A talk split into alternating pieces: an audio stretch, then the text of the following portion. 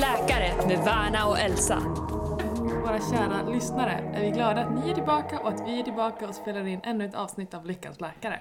Ja, välkommen att värna din hälsa med Värna och Elsa, Yes, och idag ska vi prata om kallbad och livräddning. ja, det är inte en läkare som vi pratar om idag, men det är fortfarande någon som är väldigt duktig på att rädda liv. Ja, Per har gått många utbildningar och kan utbilda andra att rädda liv. Per svarar på frågor såsom vad ska man göra om man ser en medvetslös person på gatan? Eller hur ska man kunna hjälpa en drunknande person utan att sätta sig själv i fara? Precis. Många viktiga och spännande ämnen som är superbra oavsett vad man jobbar med och oavsett om man har en medicinsk bakgrund eller inte. Så hoppas vi att ni alla tar med er de här tipsen. Ja, håll i hatten, nu kör vi! Välkomnar våran gäst Per, välkommen! Tackar, tackar, tackar. Roligt att du vill vara med. Vi tänker att du Per ska få börja med att berätta lite, vem är du och hur kommer du säga att du gästar en podd som egentligen drivs av läkare? Ja, det, det är en ära att få, få vara med på den här nivån och, och få prata lite om, om vad jag håller på med. En del håller på med fotboll och innebandy och ishockey. Jag håller på med livräddning. Livräddning är ett stort område. Inom livräddningen så kan man tävla, man kan träna, man kan hålla på med utbildning och man kan förkovra sig i att utbilda andra. Och det är på den nivån jag ligger just nu. Eh, där man håller på så länge så eh, nördar man ner sig gärna i lite doktorsavhandlingar inom kardiologi kan det vara. Eh, man, man håller på inom HLR då, som jag är huvudinstruktör inom. Eh, det kan vara inom första hjälpen och då eh, akutsjukvård, eh, blödning, trauma, eh, skador, allt från stukning, lite blödande sår till mer pulserande blödningar, men även annat då inom första hjälpen. Jag sitter med i en referensgrupp för första hjälpen eh, i samhället för Svenska HLR-rådet och tipsar där. Jag är utbildad eh, lärare och jobbar som lärare i tio år eh, så att jag har mycket inom pedagogik och utbildning i de här sammanhangen också då. Vad eh, gör att vi utvecklar och kommer ihåg till exempel hur man lägger ett förband i en stressad situation. Så lite sånt där har jag hållit på med länge. Sen så har jag då hållit på med islivräddning också, att utbilda då folk som ska bege sig ut på fruset vatten inom Svenska livräddningssällskapet. Hur kan man utveckla och utbilda inom det och vilka faser går man igenom när man plötsligt oväntat hamnar i en isvak eller i kallt vatten? Vad är det som gör att folk drunknar och inte överlever till exempel? Lite sådana bitar har jag hållit på med och det har lett mig då till vintersimning och isbad och det kalla badet.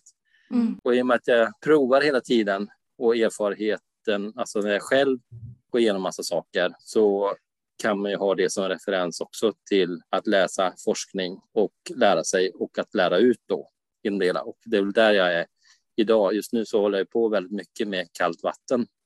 Ja, wow, imponerande. Jag har så många frågor. Ja, jag, jag med. Men till att börja med, just ditt jobb, det är ju lite väldigt speciellt och det känns inte som att det är det vanligaste jobbet. Är du anställd av någon eller är du... Nej, det är det som är det fantastiska. Det här är min hobby. Det är så? Wow. Det är inte mitt jobb. Det är inte ditt jobb, nej det är så. Det låter ju så omfattande men att Verkligen. wow. Men så vad gör du på, du har ett annat jobb?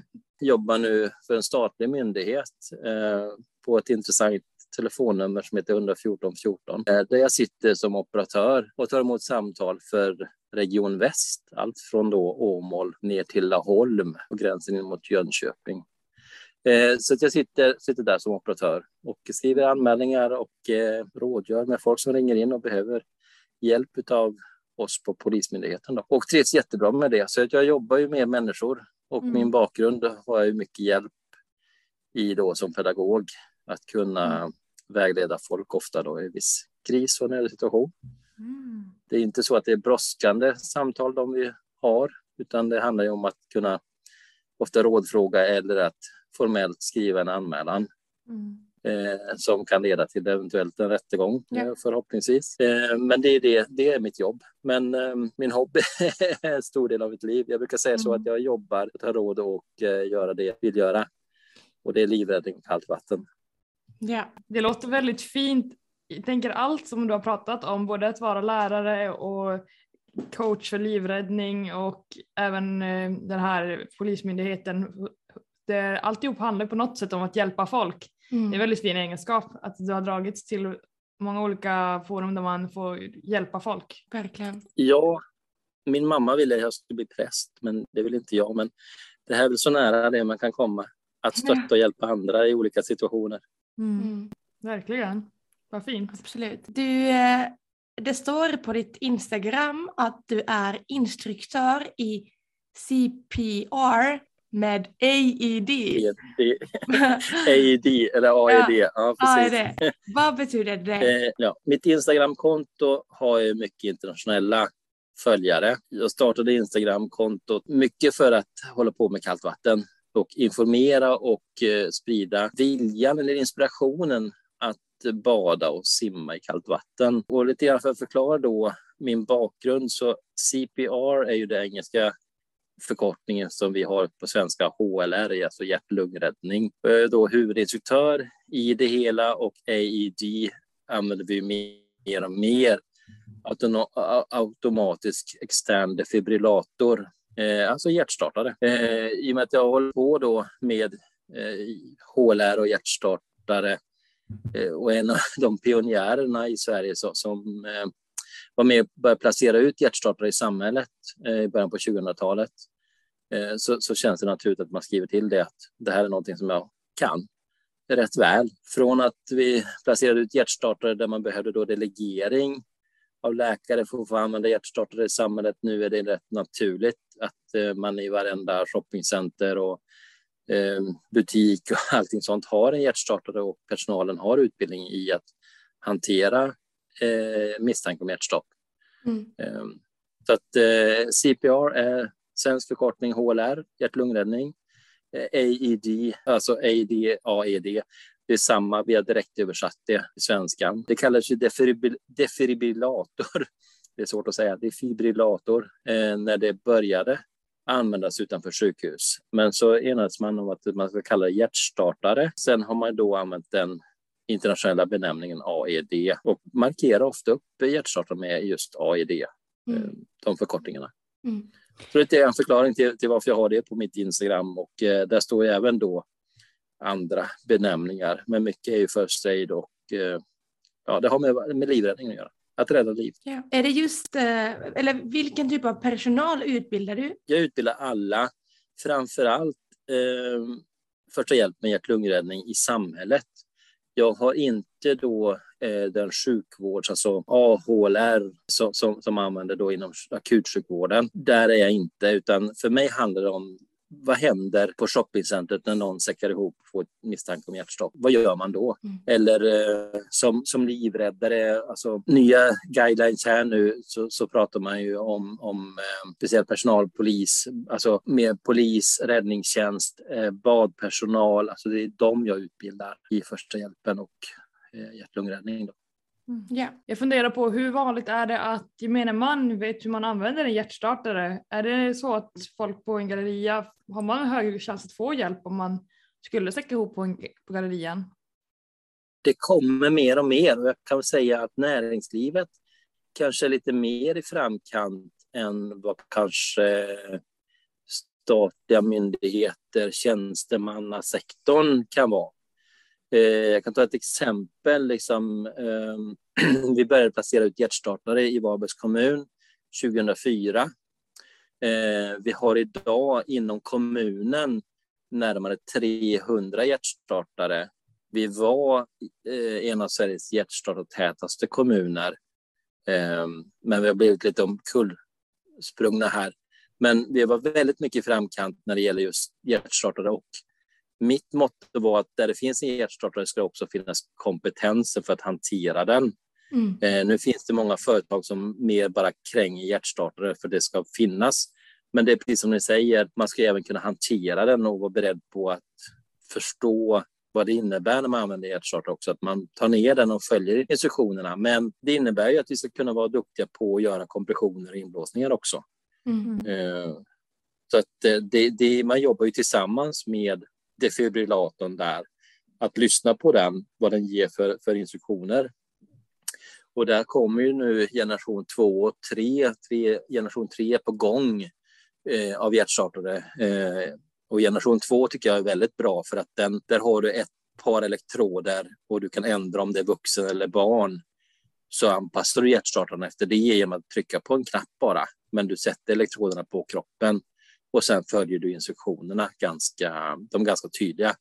Och det finns även nu tvåspråkiga så du kan få en apparat som talar både engelska och svenska. Eller vilket språk man nu vill ha som andra språk förutom svenska. Det mm. finns ju andra språk som man, beroende på vart i samhället den här apparaten ska vara. Ja. Men är de så pass lättanvända skulle du säga så att en person, en vuxen person som inte är utbildad i det skulle kunna använda den på någon bara genom att följa instruktionerna som finns med i förpackningen? Ja, det, det, min erfarenhet är så. Men jag tycker ju att man ska gå en utbildning. Mm. Självklart tycker jag att man ska gå en utbildning.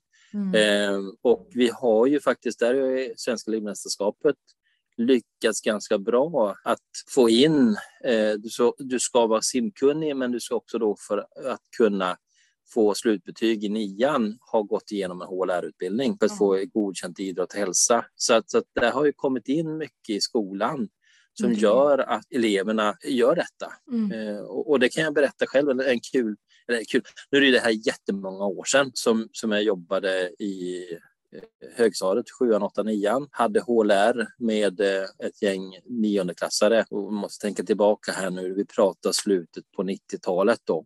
Det var ett gäng elever, jag tror det var fyra killar och vi skulle då, då var utbildningstiden på tre timmar. Det var väldigt, man, man hade en utbildning och så examinerade man. Det var formellt väl, värre då. Och de här killarna, vi ingick ett avtal att jag skulle godkänna alla och killarna, nionde klasserna, tycker ju liksom att ja, men det, här gör vi på en timme. Klart vi klar, kan detta. Vi drog över en halvtimme, och, eh, men alla killarna blev godkända. Men, men det kostade dem en halvtimme extra. Och det var de ju på mig då ofta när de får igen den där halvtimmen. Och eh, jag sa att det kan inte jag ansvara för. Eh, vi ingick ett avtal att ni skulle klara av det och bli godkända. Sen om vi drog över eller inte, det förhandlade vi inte om. Eh, men de var på mig och skämtade där, men när får vi den där halvtimmen? Och det gick väl kanske en månad eller så. Och så var det en man som fick hjärtstopp precis utanför skolan. Och tre av de här fyra killarna var framme och hjälpte till och eh, körde HLR då. Och fick sån bra cred från, från ambulansen. Tyvärr gick inte hans mm. liv att rädda, men ambulanspersonalen berömde dem otroligt för att de hade varit så duktiga på att göra kompressioner och inblås och liksom höll på då innan ambulansen kom. Så att när de kom tillbaka då dagen efter så sa de tack för den där extra halvtimmen. Mm. Så så kan det vara. Otroligt fin berättelse. Verkligen. Om det nu är någon som lyssnar och känner så här, jag vill gå en utbildning inom HLR, var mm. kan man söka sig till? Där finns det på HLR-rådets hemsida faktiskt, man kan söka då sin närmsta instruktör Eh, man kan vända sig till olika företag och det finns väldigt många föreningar och organisationer. Och jag företräder ju en organisation som är ideell och Svenska Livräddningssällskapet faktiskt den organisation som har hållit på med HLR längst i samhället utanför sjukvården. Eh, så antingen hör man av sig till Svenska Livräddningssällskapet, man kan höra av sig till Civilförsvarsförbundet, man kan höra av sig till föreningen hjärt-lungsjuka. Så det finns ju väldigt många organisationer, men det finns även då företag eh, som man kan kontakta eh, för att gå en HLR-utbildning. Och de nya guidelines som släpptes nu här i november förra året eh, så har man faktiskt kortat ner utbildningstiden lite grann eh, och gjort eh, en bra utbildningsupplägg för just HLR. Och de är nu coronaanpassade många av de här utbildningarna också. Så att eh, jag vill göra ett slag att man fortfarande kan utbilda sig och mm. många är coronasäkra. Eh, man kan gå in på HLR-rådets hemsida hlr.nu. Där gör man då en webbutbildning först och sen så anmäler man sig till att man vill gå en praktisk utbildning. Då får man ett mejl med en länk där man gör då en, en webbaserad, alltså kan göra en webbaserad utbildning också. Men man kan göra då med instruktör på plats. Så det finns många olika alternativ för att gå en HLR-utbildning. Och som sagt, eh, en och en halv timme, max två timmar för en HLR-utbildning med då prova på hjärtstartare också. Ja, det räddar liv. Gör mm. det, den utbildningen varje år tycker jag. Mm. Eh, så håller man sig ajour. Jag blir faktiskt lite så lite ifrågasättande nu till vår utbildning, läkarprogrammet. Vi, det är verkligen något centralt för oss och vi får ju lära oss det men absolut inte att vi får någon repetition varje år och det kan man egentligen fundera på. Det borde vi ju ha tycker jag för att nu har vi lärt oss det för flera år sedan och jag kan inte säga att jag känner mig bombsäker på allting även om mycket av det grunderna finns så hade det varit otroligt bra. Det är ju, repetition är ju verkligen modern till kunskap. Verkligen, jag håller med. Men sen när vi börjar mm. jobba som läkare så då är det ju varje år man måste gå HLR-utbildningen. Mm, det är bra. Då blir det ja, precis. Precis, och så är det ju. Varje sjukhus, varje region så att säga, har ju sina eh, rutiner. Och jag vet, eh, jag är hemma här i Halland och jag vet, jag har samarbetat med HLR-ansvariga och HLR HLR-utbildare utbildare inom Region Halland väldigt mycket. De har ju sina fasta övningslokaler så man kan gå dit. Mm. Och där har ju kommit fram nu mycket digitala koncept, QCPR till exempel, där man så att säga loggar in, du får en användaridentitet. Eh, dockan är kopplad till ett system där du då kan gå in och köra.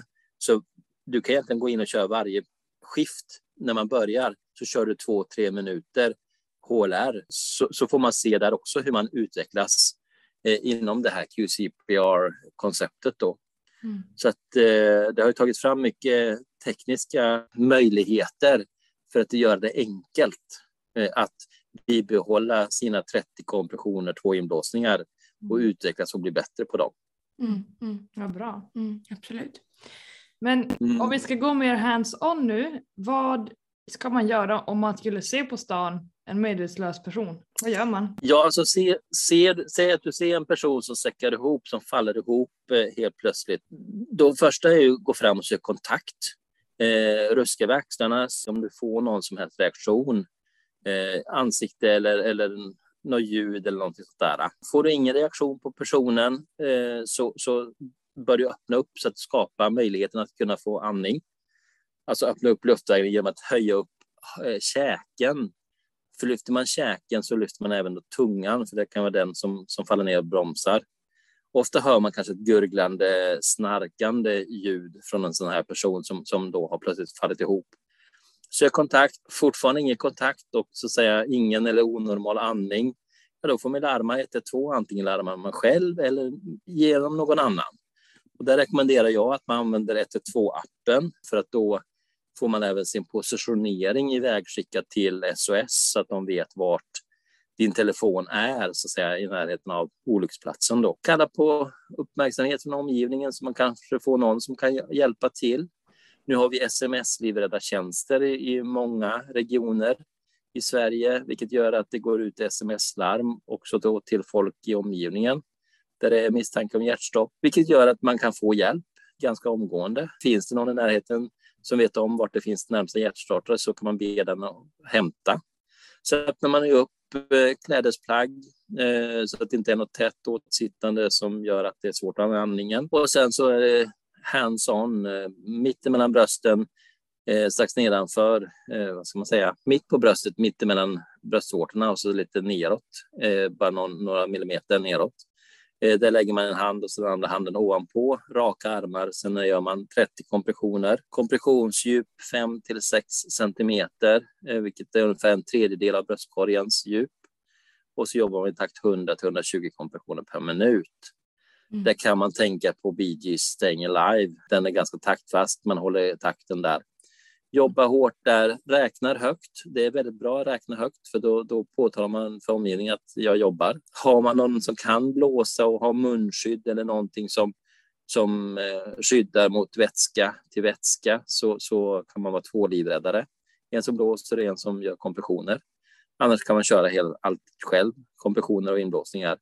Men det är viktigt att tänka på, på att man har någon form av skydd. En face shield kan ju vara bra att ha i nyckelknippan, finns lätt att köpa på, på apotek eller vissa försäkringsbolagen och sånt där kan också ha alltså små face shields. En täckduk helt enkelt med ett membran så det inte blir smitta vätska till vätska. Mm. Sen är det bara att köra. 30 kompressioner, två inblåsningar och så håller man på tills man blir avbytt. Det bästa är att få bli avbytt efter två, tre minuter för det är ganska krävande mm. fysiskt att göra HLR så man blir ganska trött. Tvålivrad teknik är helt klart att föredra. Vi har fler överlevare om man kör HLR med tvålivrad teknik än att köra det helt själv. Mm. Eh, men kör man själv så är det bra om man blir avbytt så kan man alternera. Ja, jag minns från utbildningen när vi gick den att det är verkligen mycket kraft man får använda för att få det här 6 till eller 56 centimeters djup när man... Det är väldigt fysiskt krävande, det är det. Ja, jag tänker, tror ändå, vi båda tränar ganska mycket att man skulle vara lite bättre på det, men det var ju nästan de som mer fördelaktigt om man var kille och var lite större för att kunna använda sin kroppsvikt som till kompressionerna. Det är ganska svårt, speciellt om det är en person som är större än en själv som man ska göra kompressioner på. Exakt.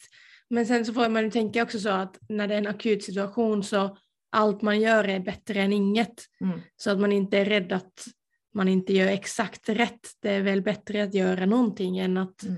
inte våga hjälpa alls. Helt klart. Helt klart. Verkligen. Eh, så är det. Det bästa man kan göra är larma 112. Ja, verkligen. Jag visste inte om den appen så Nej, det var jättebra. Tips. Inte jag ska ladda hem. Jag ska också ladda den. Uh, något bra med mobiltelefoner, att man kan ja. ha position. oh, ja. uh, då kan vi gå lite mer in på att du också är en livräddare. Uh, och du sa ju att man kan tävla i livräddning och träna i livräddning, men jag blev väldigt nyfiken på vad menar du med att tävla inom livräddning? Ja, livräddning som sport är någonting som eh, i Sverige inte är stort alls kan jag säga.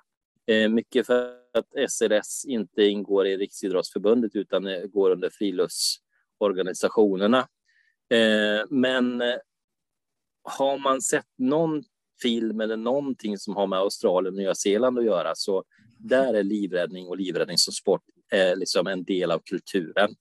Det är field hockey, det är rugby och det är lifesaving som man håller på med mycket i Australien. Och där har man ju sett mycket av det vi kallar då de internationella grenarna med surfski, beach race med mera. Det finns hur mycket individuella och gruppgrenar som helst inom livräddningen. Men vi, vi har SM i livräddning, både internationella och det vi kallar nordiska. Och eh, för att få livräddning som sport, att eh, funka i våra nordiska länder så har vi då något som kallas nordisk lagkapp.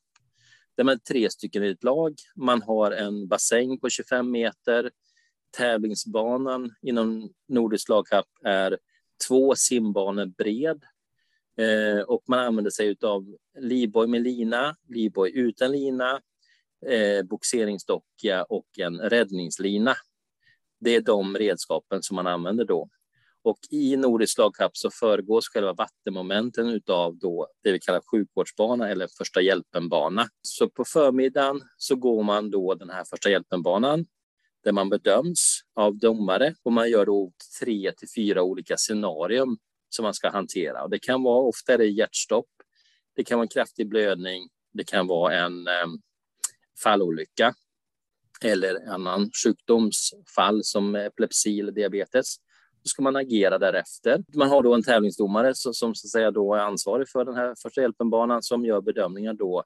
Och bedömningen är ofta att eh, så länge du gör rätt och inte förvärrar händelsen för, för den drabbade eh, så kan man bli godkänd. Men sen finns det också att man kan bli väl godkänd om man gör det där lilla extra. Ja, man ska säga patienten eller den, den nödställde eh, känner sig väl eller mycket väl omhändertagen. Efter att man har då gjort den här första hjälpen-banan Eh, så är det dags för vattenmomenten. Och det är man som sagt samma lag och så ska man då dela upp, det blir en sträcka på 100 meter totalt är det väl. Man är först indrag med livbojlina. Det är svårt att förklara det här faktiskt momentet, utan man måste se de här tävlingarna för att förstå. Men Nordisk lagkapp är en tävlingsform som är väldigt publikvänlig och den är otroligt spännande för att eh, sista moment när man kastar med räddningslina och ska dra in en person på 23 meter som då håller i en boxeringsdocka. Det här det är avgörande, eh, att man kan kasta bort sig totalt. Jag har varit med och tävlat på SM där vi vann, säga, fast vi blev diskade. För vi var så glada på att vi hade vunnit så vi hoppade i bassängen innan loppet var över. Så att eh, det är väldigt dramatiska tävlingar, eh, de här tävlingarna med nordisk lagkapp. Wow. Eh, men jag rekommenderar att gå in på Svenska Livräddningssällskapets hemsida där och titta lite mera på detta eller kontakta en lokalförening eh, för, för att lära sig att tävla och träna i livräddning som sport. Jag ska definitivt kolla upp. Det kanske finns klipp i, på Youtube också, eller?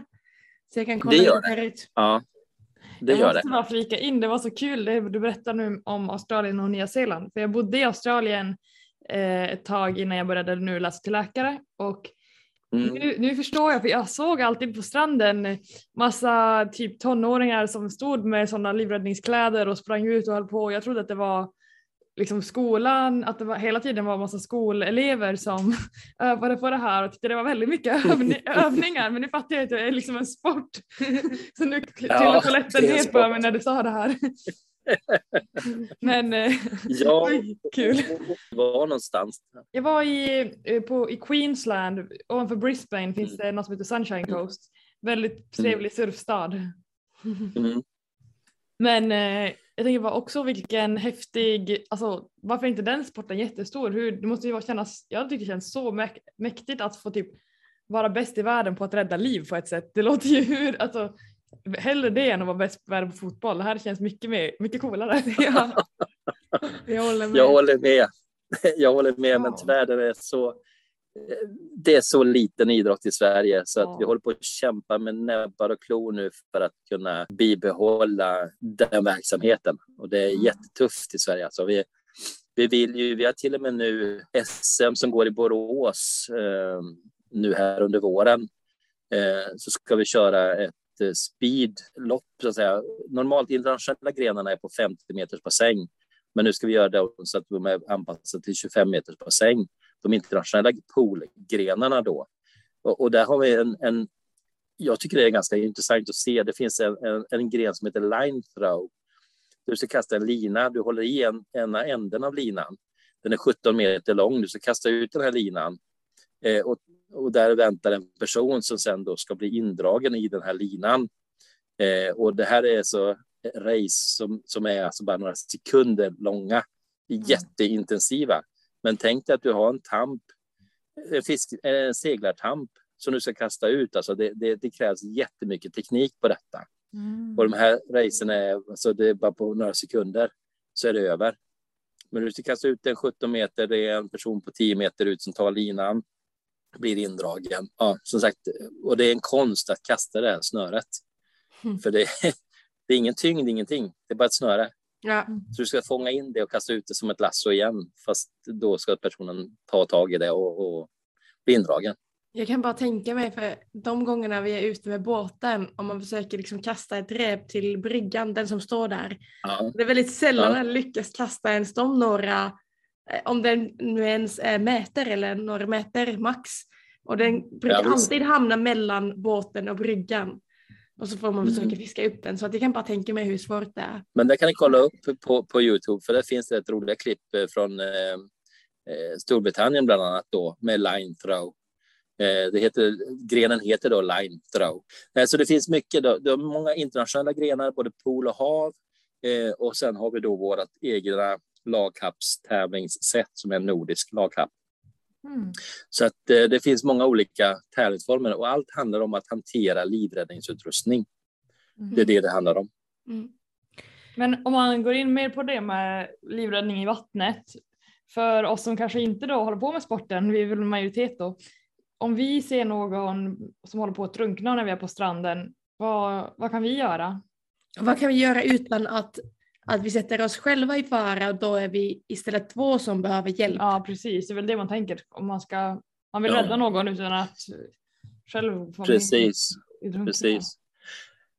Och vi har ju tyvärr eh, en hel del olyckor som har hänt sista åren här eh, där man så att säga då folk har inte överlevt och man har inte använt den livräddningsutrustning som finns eh, nära. Och eh, på alla kommunala bad i hela Sverige så finns det alltid en livboj. Kommunerna är skyldiga att se till att det finns en livboj och där har vi då ett försäkringsbolag som, som har livbojen som sin logotyp och eh, så att säga finansierar och delfinansierar att det finns livbojar överallt.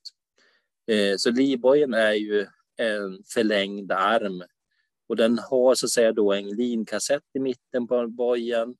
Den här linan är 23 meter lång så att den går bra att kasta ut och dra in, men man behöver öva. Och vi säger inom Svenska Livräddningssällskapet att en bra livräddare är ju en torr livräddare. Vi vill ju alltid undvika att gå i vattnet så långt vi kan, eh, eller så länge vi kan. Eh, men ibland så måste vi gå i vattnet och hämta upp en person för att av olika omständigheter så kanske det inte den kan ta tag i bojen då och bli indragen. Men, men eh, det bästa är ju att, att larma 112 och sen gör man en livräddande insats genom att kasta ut livbojen med lina. Det är det. Okej. Okay. Mm. Och om, Min... man inte, om man kastar ut den och eh, personen i vattnet inte lyckas få tag i livbojen, vad gör man då? Drar in den snabbt som sjutton och kastar ut den på nytt. Snyggt. Det är så man får ja. agera. Mm. Mm, det var bra, för min första tanke om jag skulle se någon håller på att drunkna, tänker jag är ju bra på att simma, så jag skulle först kasta mig ut i vattnet och försöka liksom simma dit. Men det är men jättetungt också. Att jag vet, men alltså det är liksom paniktanken då, jag bara okej, okay, jag måste gå dit liksom, men mm. det, det är bra att höra det och tänka igenom, okej okay, mm. om, om det skulle hända, då måste jag ha kollat var det finns liksom livböjen och kasta den ut. Ja, det finns ju ofta livräddningsutrustning och, och den är ju där för att den ska användas. Tyvärr har det blivit mer och mer att man ska inte röra den här livräddningsutrustningen, men den ska ju användas. Eh, och jag brukar säga så här att en livboj, den behöver man öva på att använda, precis som man övar på att lyssna på lungor med stetoskop som läkare, eh, mm. eller ta pulsen, eller, eller som sjuksköterska hitta blodkärlet, jag ska sticka och ta ett blodprov. Alltså man behöver ju öva. Att använda livboj och kasta med livboj, det behöver man öva. Men det är viktigt att man återställer bojen sen så att den är okej okay för att nästa ska kunna använda den. Mm. Um, vi har haft diskussioner om att man ska ta fram en gul livboj och ha överallt på alla stränder också, som är en övningsboj som man får använda. Men, men eh, vi är inte där än. Det hade varit toppen. Verkligen. Men du menar att om jag och Elsa nu känner att vi vill öva på detta så kan vi gå till närmsta stranden och öva på att kasta om vi bara ställer livbojen exakt som den var innan. Att det ja, inte liksom... Ja, det är tillåtet. Precis. Det är tillåtet och det finns säkert då de som kommer att säga att nej, nej, nej, nej. Låt din, lek inte med livröst, livräddningsutrustningen. Och då säger jag att men det är inte lek. Även lek är utbildning. Mm. När ett barn leker så lär den sig saker. Mm. Den bearbetar sin kunskap genom leken och det gör vi vuxna också. Mm. Vi, vi alla är vi barn tills vi inte lever längre. Mm. Så är det. Och, och, vi lär oss hela tiden.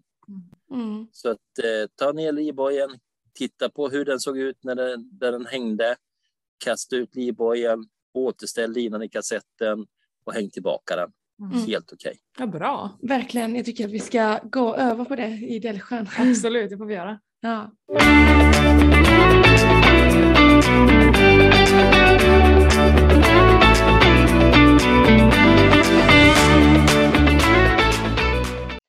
Okej, eh, då kan vi gå in på kallbad tycker jag. Ja, vi byter ämne lite grann.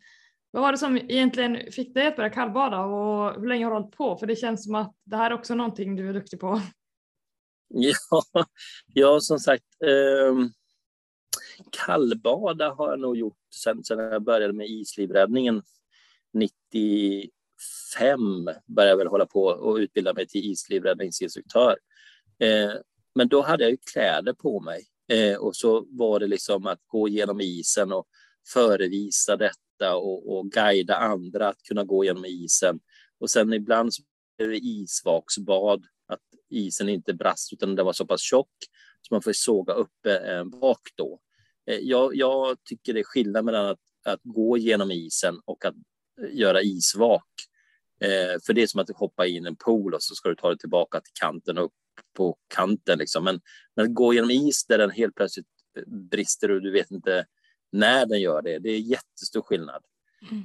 Men jag började för snart åtta år sedan att eh, simma i kallt vatten och det var för en kompis som är långsimmare. Han ville dryga ut sin säsong så han ville börja i mars. eh, och jag bor då i Varberg, kustnära stad. Han ville då ha livräddare som kunde vakta honom när han simmade. Och jag kommer han simmade kanske 200-300 meter någonting. Det var två grader i vattnet. Jag gick i, i en tröja och badbyxor och gick bredvid honom här. Det var midjedjupt vatten och det blåste, det var askallt och det gjorde jätteont i, i fingrarna och, och fötterna kände jag ingenting av efter ett tag. Eh, det värkte och, och ja, det var ingen positiv upplevelse överhuvudtaget. Men, men jag fortsatte. För hans skull så, så ska jag ju vakta honom. Så jag hade min livräddningstorped och, och gick bredvid som en riktig Baywatch-livräddare eh, eh, där. Mm. Men så tänkte jag att nej, men jag började nog simma bredvid honom istället. Och så vart det, så vi höll väl på där ett år, två år kanske. Så vi, vi slutade aldrig simma kan jag säga. Sommarsäsongen kom och vi simmade och han, jag tror han simmade 100 mil den säsongen. Eh, något sånt där. Han, alltså det, det, han simmar långt kan jag säga och det är mycket på ett år. Han har nog, sen dess har han simmat nog något varv runt jorden nu. han, han är långsimmare. Men mm. han gör det för sin egen skull eh, och så. Men, men jag gör mycket för andras skull. Men, men så börjar jag för min egen skull simma i det kalla vattnet. Och så tänkte jag, men vad ska jag göra med detta? Min kropp vande sig mer och mer. Jag återhämtar mig snabbare och snabbare. Eh, det gör inte ont i fingrarna längre när jag simmar. Eh, jag kan simma och vara i vattnet väldigt länge. Eh, jag kan huttra, men, men jag återhämtar mig väldigt snabbt och började söka på nätet och jag började liksom kolla upp vad händer i kroppen. Varför är det så här och varför kan jag vara så länge i vattnet nu mm. jämfört med första gångerna eh, och sådär. Då såg jag att det fanns ju faktiskt internationella organisationer som var ganska nystartade och det är ISA, International Ice Swimming Association och IVSA, International Winter Swimming Association. Och IVSA då, de hade tävlingar såg jag och, och det kan vara kul. Och de har en tävling i Skellefteå som är ett SM, Skandinaviska mästerskapen. Ja, men det lät ju jättekul tyckte jag. Eh, och jag är ju från Umeå fast jag bor i Varberg. Så jag tänkte, ja, men jag åker upp till Skellefteå som inte är från, så långt från Umeå. Så kan ju pappa komma upp och titta och brorsan kunde komma upp och titta och så här. Så att, eh, ja, men jag åker upp och, och så anmälde jag mig 25 bröstsim och 25 frisim och det fanns 50 bröst och 50 fritt och 100. Jag använde mig i allting. Eh, så jag åkte upp och så simmade 25 bröstsim, 25 frisim, 100 eh, bröstsim och frisim. Jag, jag simmade allt där och så var det medaljutdelning och, och oj, tänkte jag. Men det här är ju skandinaviska mästerskapen. Men vad gör ryssarna och, och de är? Jaha, då förklarar man, ja, men det här är med i en världscup. Ja, så finns det en världscup, jaha. Så jag tävlade där och fick pallplats. Och så tänkte jag att men jag står på pallen nu. Och de som har då ettan och tvåan, jag är trea. Jaha, de kommer då med i världscupen. Alltså, jaha, då har jag guld på SM. Ja, ja, men vad kul. Eh, så att jag tog ju guld där på 100 fritt och 50 fritt och, och, och 100 bröst. Och, och, jaha, kul. Ja, men det här var ju roligt. Wow. Det är alltid kul att vinna. Ja. Men, men, men, men, så var det. Och så tänkte jag att ja, men då ställer jag upp nästa år igen. Och eh, då sa ju de som var rutinerade där, då, de här internationella som, som jag var på pall med, det visade sig ju att ja, men det är ju ordförande och vice ordförande i, i IVSA som jag har tävlat mot. Eh, och de började prata om att ja, men du, vi ska ju ha eh, VM här nu 2018 i, i Tallinn det är väl inte så långt. Det kan du väl komma och tävla i? Ja, men då gör jag väl det då. Så jag var med på två SM, skandinaviska mästerskapen och eh, det blir guld och silver då. Eller guld, ja, blir det på, på SM, alltså det var svenska mästerskapen. Så, så jag åkte iväg då till Tallinn 2018 och var med på VM. Och eh, där tog jag ju då svenskt rekord på 100 fritt i nollgradigt vatten. Så där har ingen slagit mig än så länge. Eh, på det. Men jag är typ rankad fem, plats 50 eller plats 60 någonting sånt där i världen. Så ser man i världscupsrankningen så är det ju pissdåligt. Men, men eh, vi är ju väldigt få i Sverige som tävlar och tränar för simning i kallt vatten. Mm. Då 2018 så var vi åtta stycken som, som representerade Sverige och Danmark kom med 100 deltagare, Finland 150 deltagare och, och Norge hade tror jag 80 deltagare. Alltså det var helt otroligt. Eh, 1500 tävlande, 40 nationer på ett VM. Det är stort. Mm. Eh, och då är det en organisation. Så det, där är liksom verkligen eh, extremsport. Så ISAs deltagare, eh, de har ju också då vartannat år så åker de till Antarktis och simmar. Så de har ju några som har då eh, varit med i Guinness rekordbok för att simma längst, kallast, snabbast. Att, eh, och det roliga med ISA är att de har sitt säte i Sydafrika. Och de då, ISA South Africa, de har sitt eh, de, de är uppe i Lesotho och kör i en glaciär där, där de tävlar. Så de sågar upp i isen i glaciären och så simmar de. Mm -hmm. Så det, det, är extremt eh, häftiga tjejer och killar som simmar där. Nej, men jag tänker bara det här att när man själv kallbadar så får man ju jävligt ont i fingrarna och tårna när man har varit i, det längsta jag har varit i är fem minuter. Och då blir jag liksom mm. orolig att bara gud, kan jag verkligen få en, en kylskada? Och då är min fråga till dig, vet du om det, det är inte som att vi har läst så mycket om hypotermi eller Nej. kylskador inom utbildningen. Hur funkar det? Eh, det finns jättelite forskning kan jag säga på detta. Eftersom jag då ofta grottar ner mig i mina intressen eh, så, så, så, så blir det gärna att jag söker upp eh, forskning och säger liksom forskning kring mycket. Den största, de största forskningsstudierna på hypotermi är på militärer i USA. Och det är ändå män, en viss ålder, väldigt vältränade som då under en kort period utsätts för extremt kallt vatten. Vi som håller på, jag skulle vilja ha lite forskning på, på oss som håller på med den här extremsporten. Mm. För att, och, och framförallt då kanske då folk som lever i de här extremt kalla miljöerna som, som har det här badandet som vardag. Mm. Vad händer i deras kroppar? Det man har gjort nu är att forska lite grann kring det här med brunt fett, då alltså ett enzym vi kallar det brunt fett, men, men internationellt så kallas det förkortas det BAT. Och det är ett enzym så att säga, som hjälper till att bränna vitt fett till muskler och värme. Eh, och det är en process som, som påbörjas då när man doppar ner, vad ska man säga, nacke, axlar. Eh, alltså den delen bak på axlarna eh, kommer ner i det kalla vattnet eller kommer i kontakt med kallt vatten. Då startar den processen som är en hälsofrämjande process då man bränner vitt fett till muskler eller till energi. Och där har gjorts några få studier, men inga stora studier, utan det är 200, 300, kanske 500 personer som har varit med i de här studierna för att se då effekten av BAT. Hypotermi är ju klassat som att när den inre kroppstemperaturen kommer under 35 grader. Eh, och där finns det liksom olika studier på vad händer i kroppen när man kyler ner den inre därefter. Och där var Estonia lärde oss mycket kring hypotermi och överlevnad och framförallt hur man vinschar folk som då befinner sig i hypotermifas med väldigt låga temperaturer. Man har i vissa fall eh, kunnat få igång folk som har varit väldigt djupt ner i hypotermin, eh, alltså låga temperaturer eh, på nedkylning. Men hypotermi egentligen handlar mycket om att, att den inre kroppstemperaturen sänks.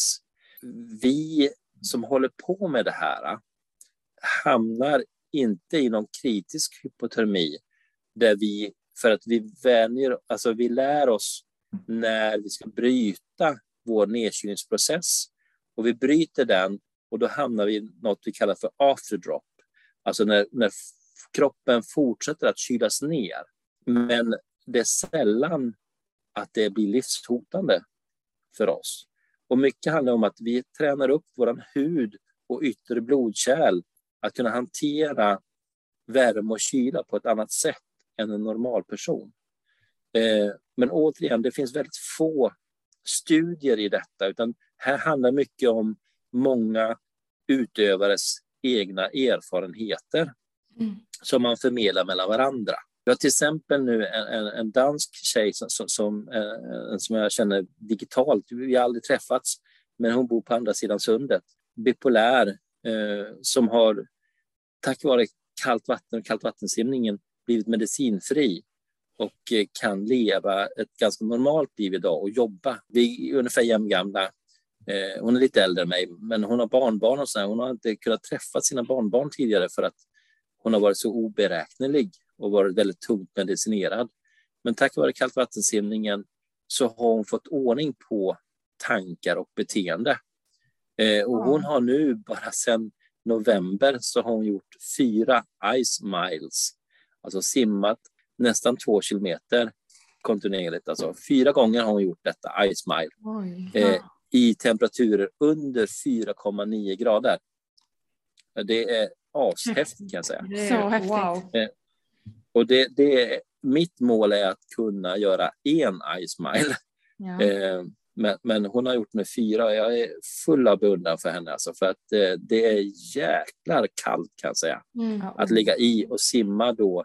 Och hennes tider är ju mellan 30 och 40 minuter som hon ligger i och simmar i det kalla vattnet. Alltså det är helt, helt ja. sjukt. Men jag tycker just det här med forskning alltså, och hälsoeffekter. Det kom, jag hoppas verkligen att i och med att kallbad har ju blivit lite mer trendigt eller vad man ska säga på senare tid och mm. lite mer att gemene man, kanske inte på den nivån som ni gör att ni är i 30 minuter eller simmar men, men ändå kallbad har ju absolut slagit igenom som, som en grej att göra för hälsan.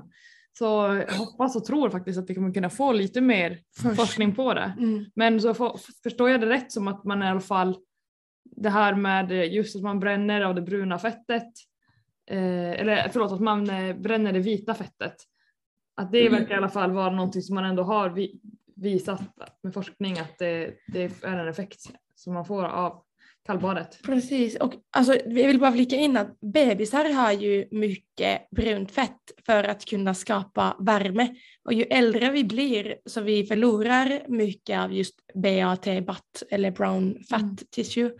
Uh, och det är ju häftigt om, om det verkligen är så att man kan liksom återskapa sin eh, brunfettdepåer eh, genom att kallbada mm. och skapa värme då. Jag läste precis en studie som, som, motsäger precis det, det, det, du sa nu. Alltså man, man har en gammal, en gammal studie på, på det här med BAT där man, precis som ni säger nu, alltså, och jag tror att ni har lärt er mycket av detta i, i era studier.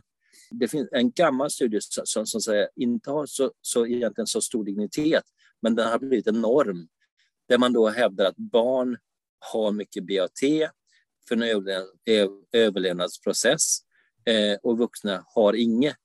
Men, men det har man motbevisat nu. Vi har det hela tiden. Det är bara det att vi i vår kultur och vår, vårt samhälle inte triggar igång det tillräckligt ofta. Eh, så därför fryser vi ofta.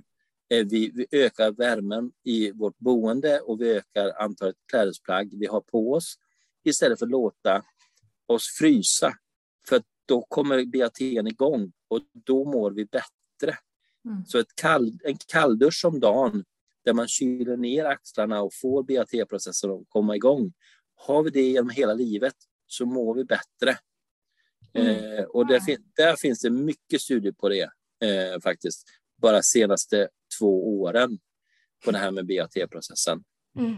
Fantastiskt, okay, wow. det här, är, det här är verkligen någonting jag får ta med mig och dela vidare. Och jag kommer sluta, alltså min kille han duschar kallt varenda morgon och jag har liksom inte kunnat förstå uh, varför det skulle få, alltså jag förstår att man, må, man blir vaken när man duschar kallt direkt när man vaknar. Men nu förstår jag liksom bakgrunden till Fysiologin, ja, vi som är läkarna där. Jag vill alltid ha någon liksom, ja, jag vill förstå jag vill bättre. Ha en forskning bakom det till att, för att göra något sådant. Det var ju väldigt positivt Varsågod. med oss. Naha, tack. Men vi börjar, tiden, börjar, tiden börjar rinna iväg och det finns en fråga vi alltid vill ställa till alla våra gäster. Och den eh, får du tolka hur du vill, men kan du svara på vad är ditt bästa hälsotips? till gemene man, till allmänheten, till de som lyssnar? Undvik krav. Undvik krav. Alltså, sätt inte krav på dig själv utifrån en norm utifrån, utan lär känna din kropp och lyssna på den. Jag tror det vi har tappat bort det allt brus med, med skärmar och, och ljud runt om oss och influencers och allting. Liksom. Eh, vi tappar bort oss själva. Det bästa hälsotippet för dig själv är att lära känna dig själv. Lyssna på dig själv och vara med dig själv. Var inte rädd för att bara vara. Mm. Det lämnar jag över. Mm, jättebra. Väldigt fint. Ja.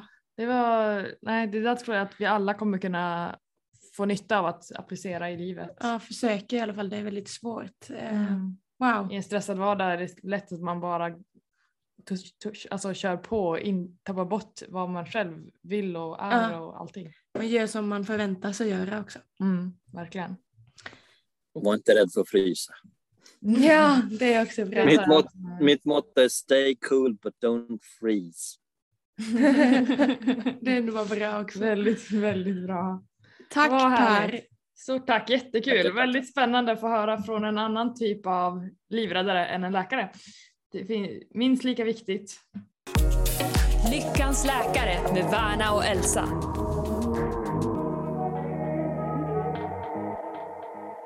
Wow, vilket avsnitt! Jag vet inte vad jag ska säga. Jag blir helt... eh, Åh, jag är så imponerad. Ja, alltså vilken kunskap han besitter inom det här området och ändå så är det inte hans jobb.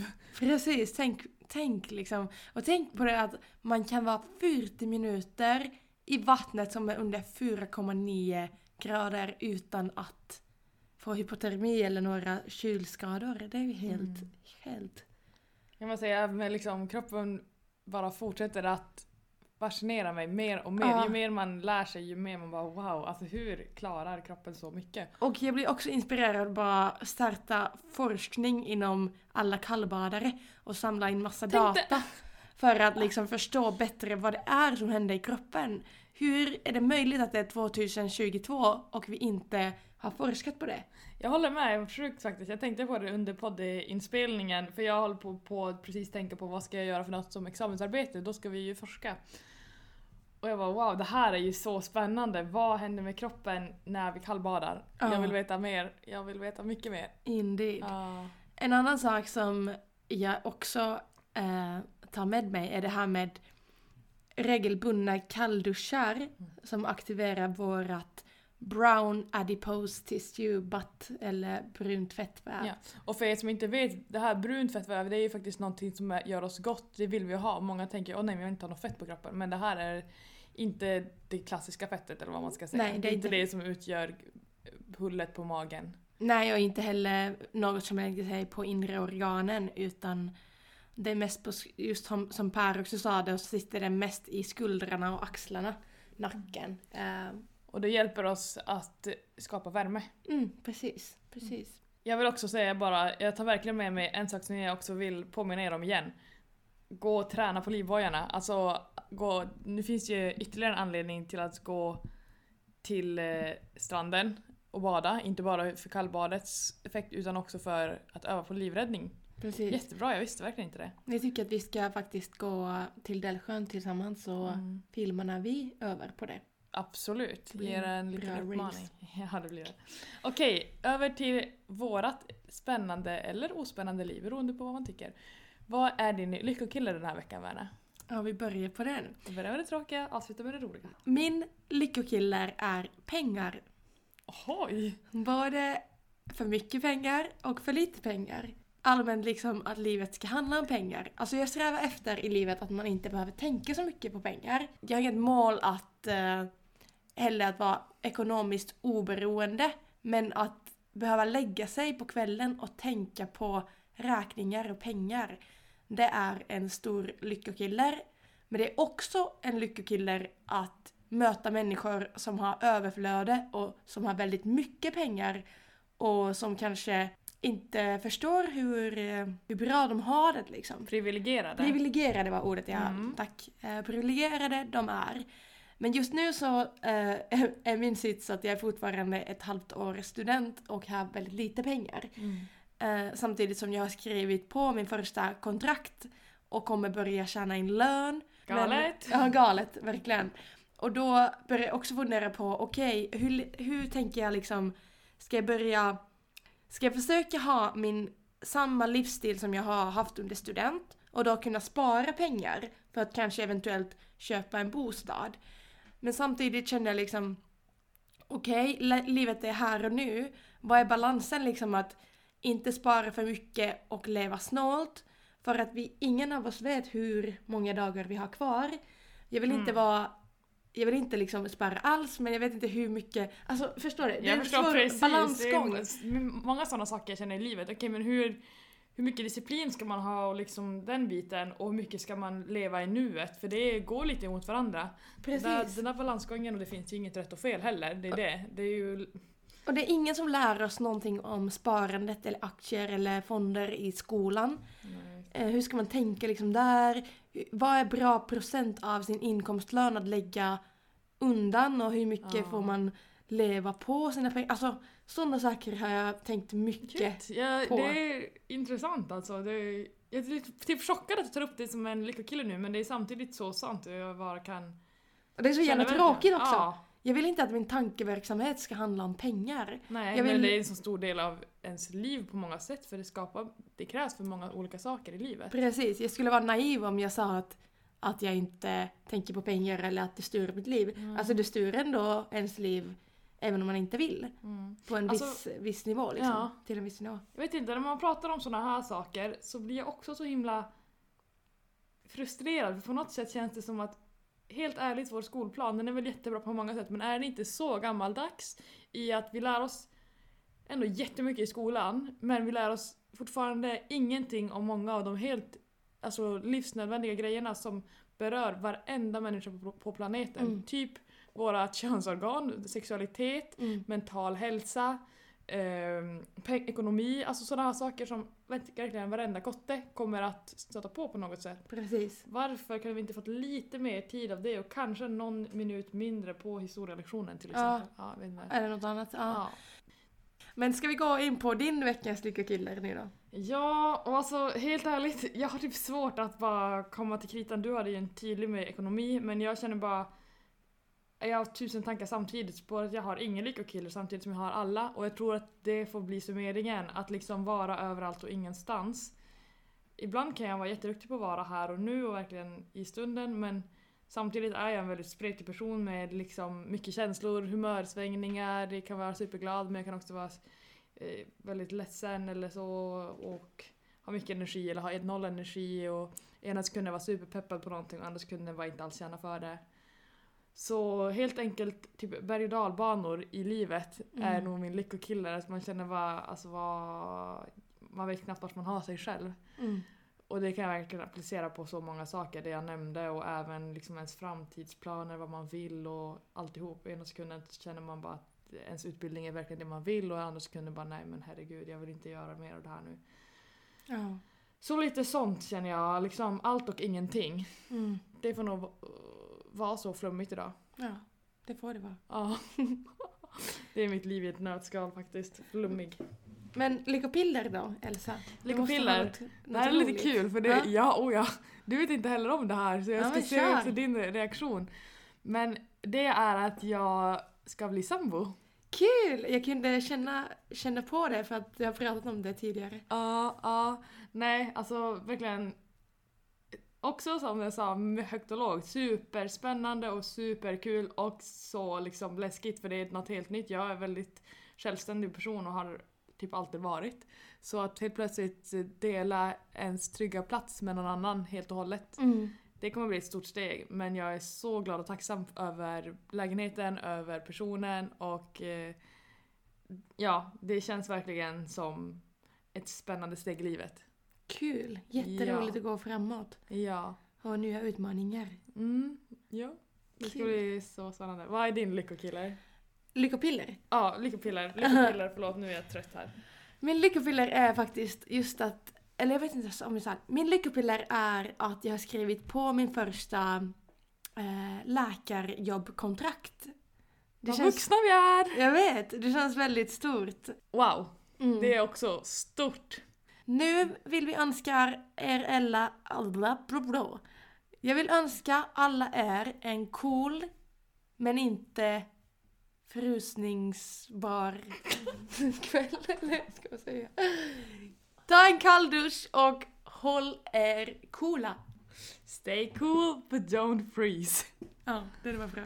Ni hittar oss på att lyckasläkare på Instagram eller att Värna Madeleine eller att Elsa Hassler på Instagram. Jajamän, ta hand om er! Ta en kalldusch och håll er coola. Stay cool but don't freeze. Ja, det var bra. Ni hittar oss på att lyckasläkare på Instagram eller att Värna Madeleine eller att Elsa Hassler på Instagram.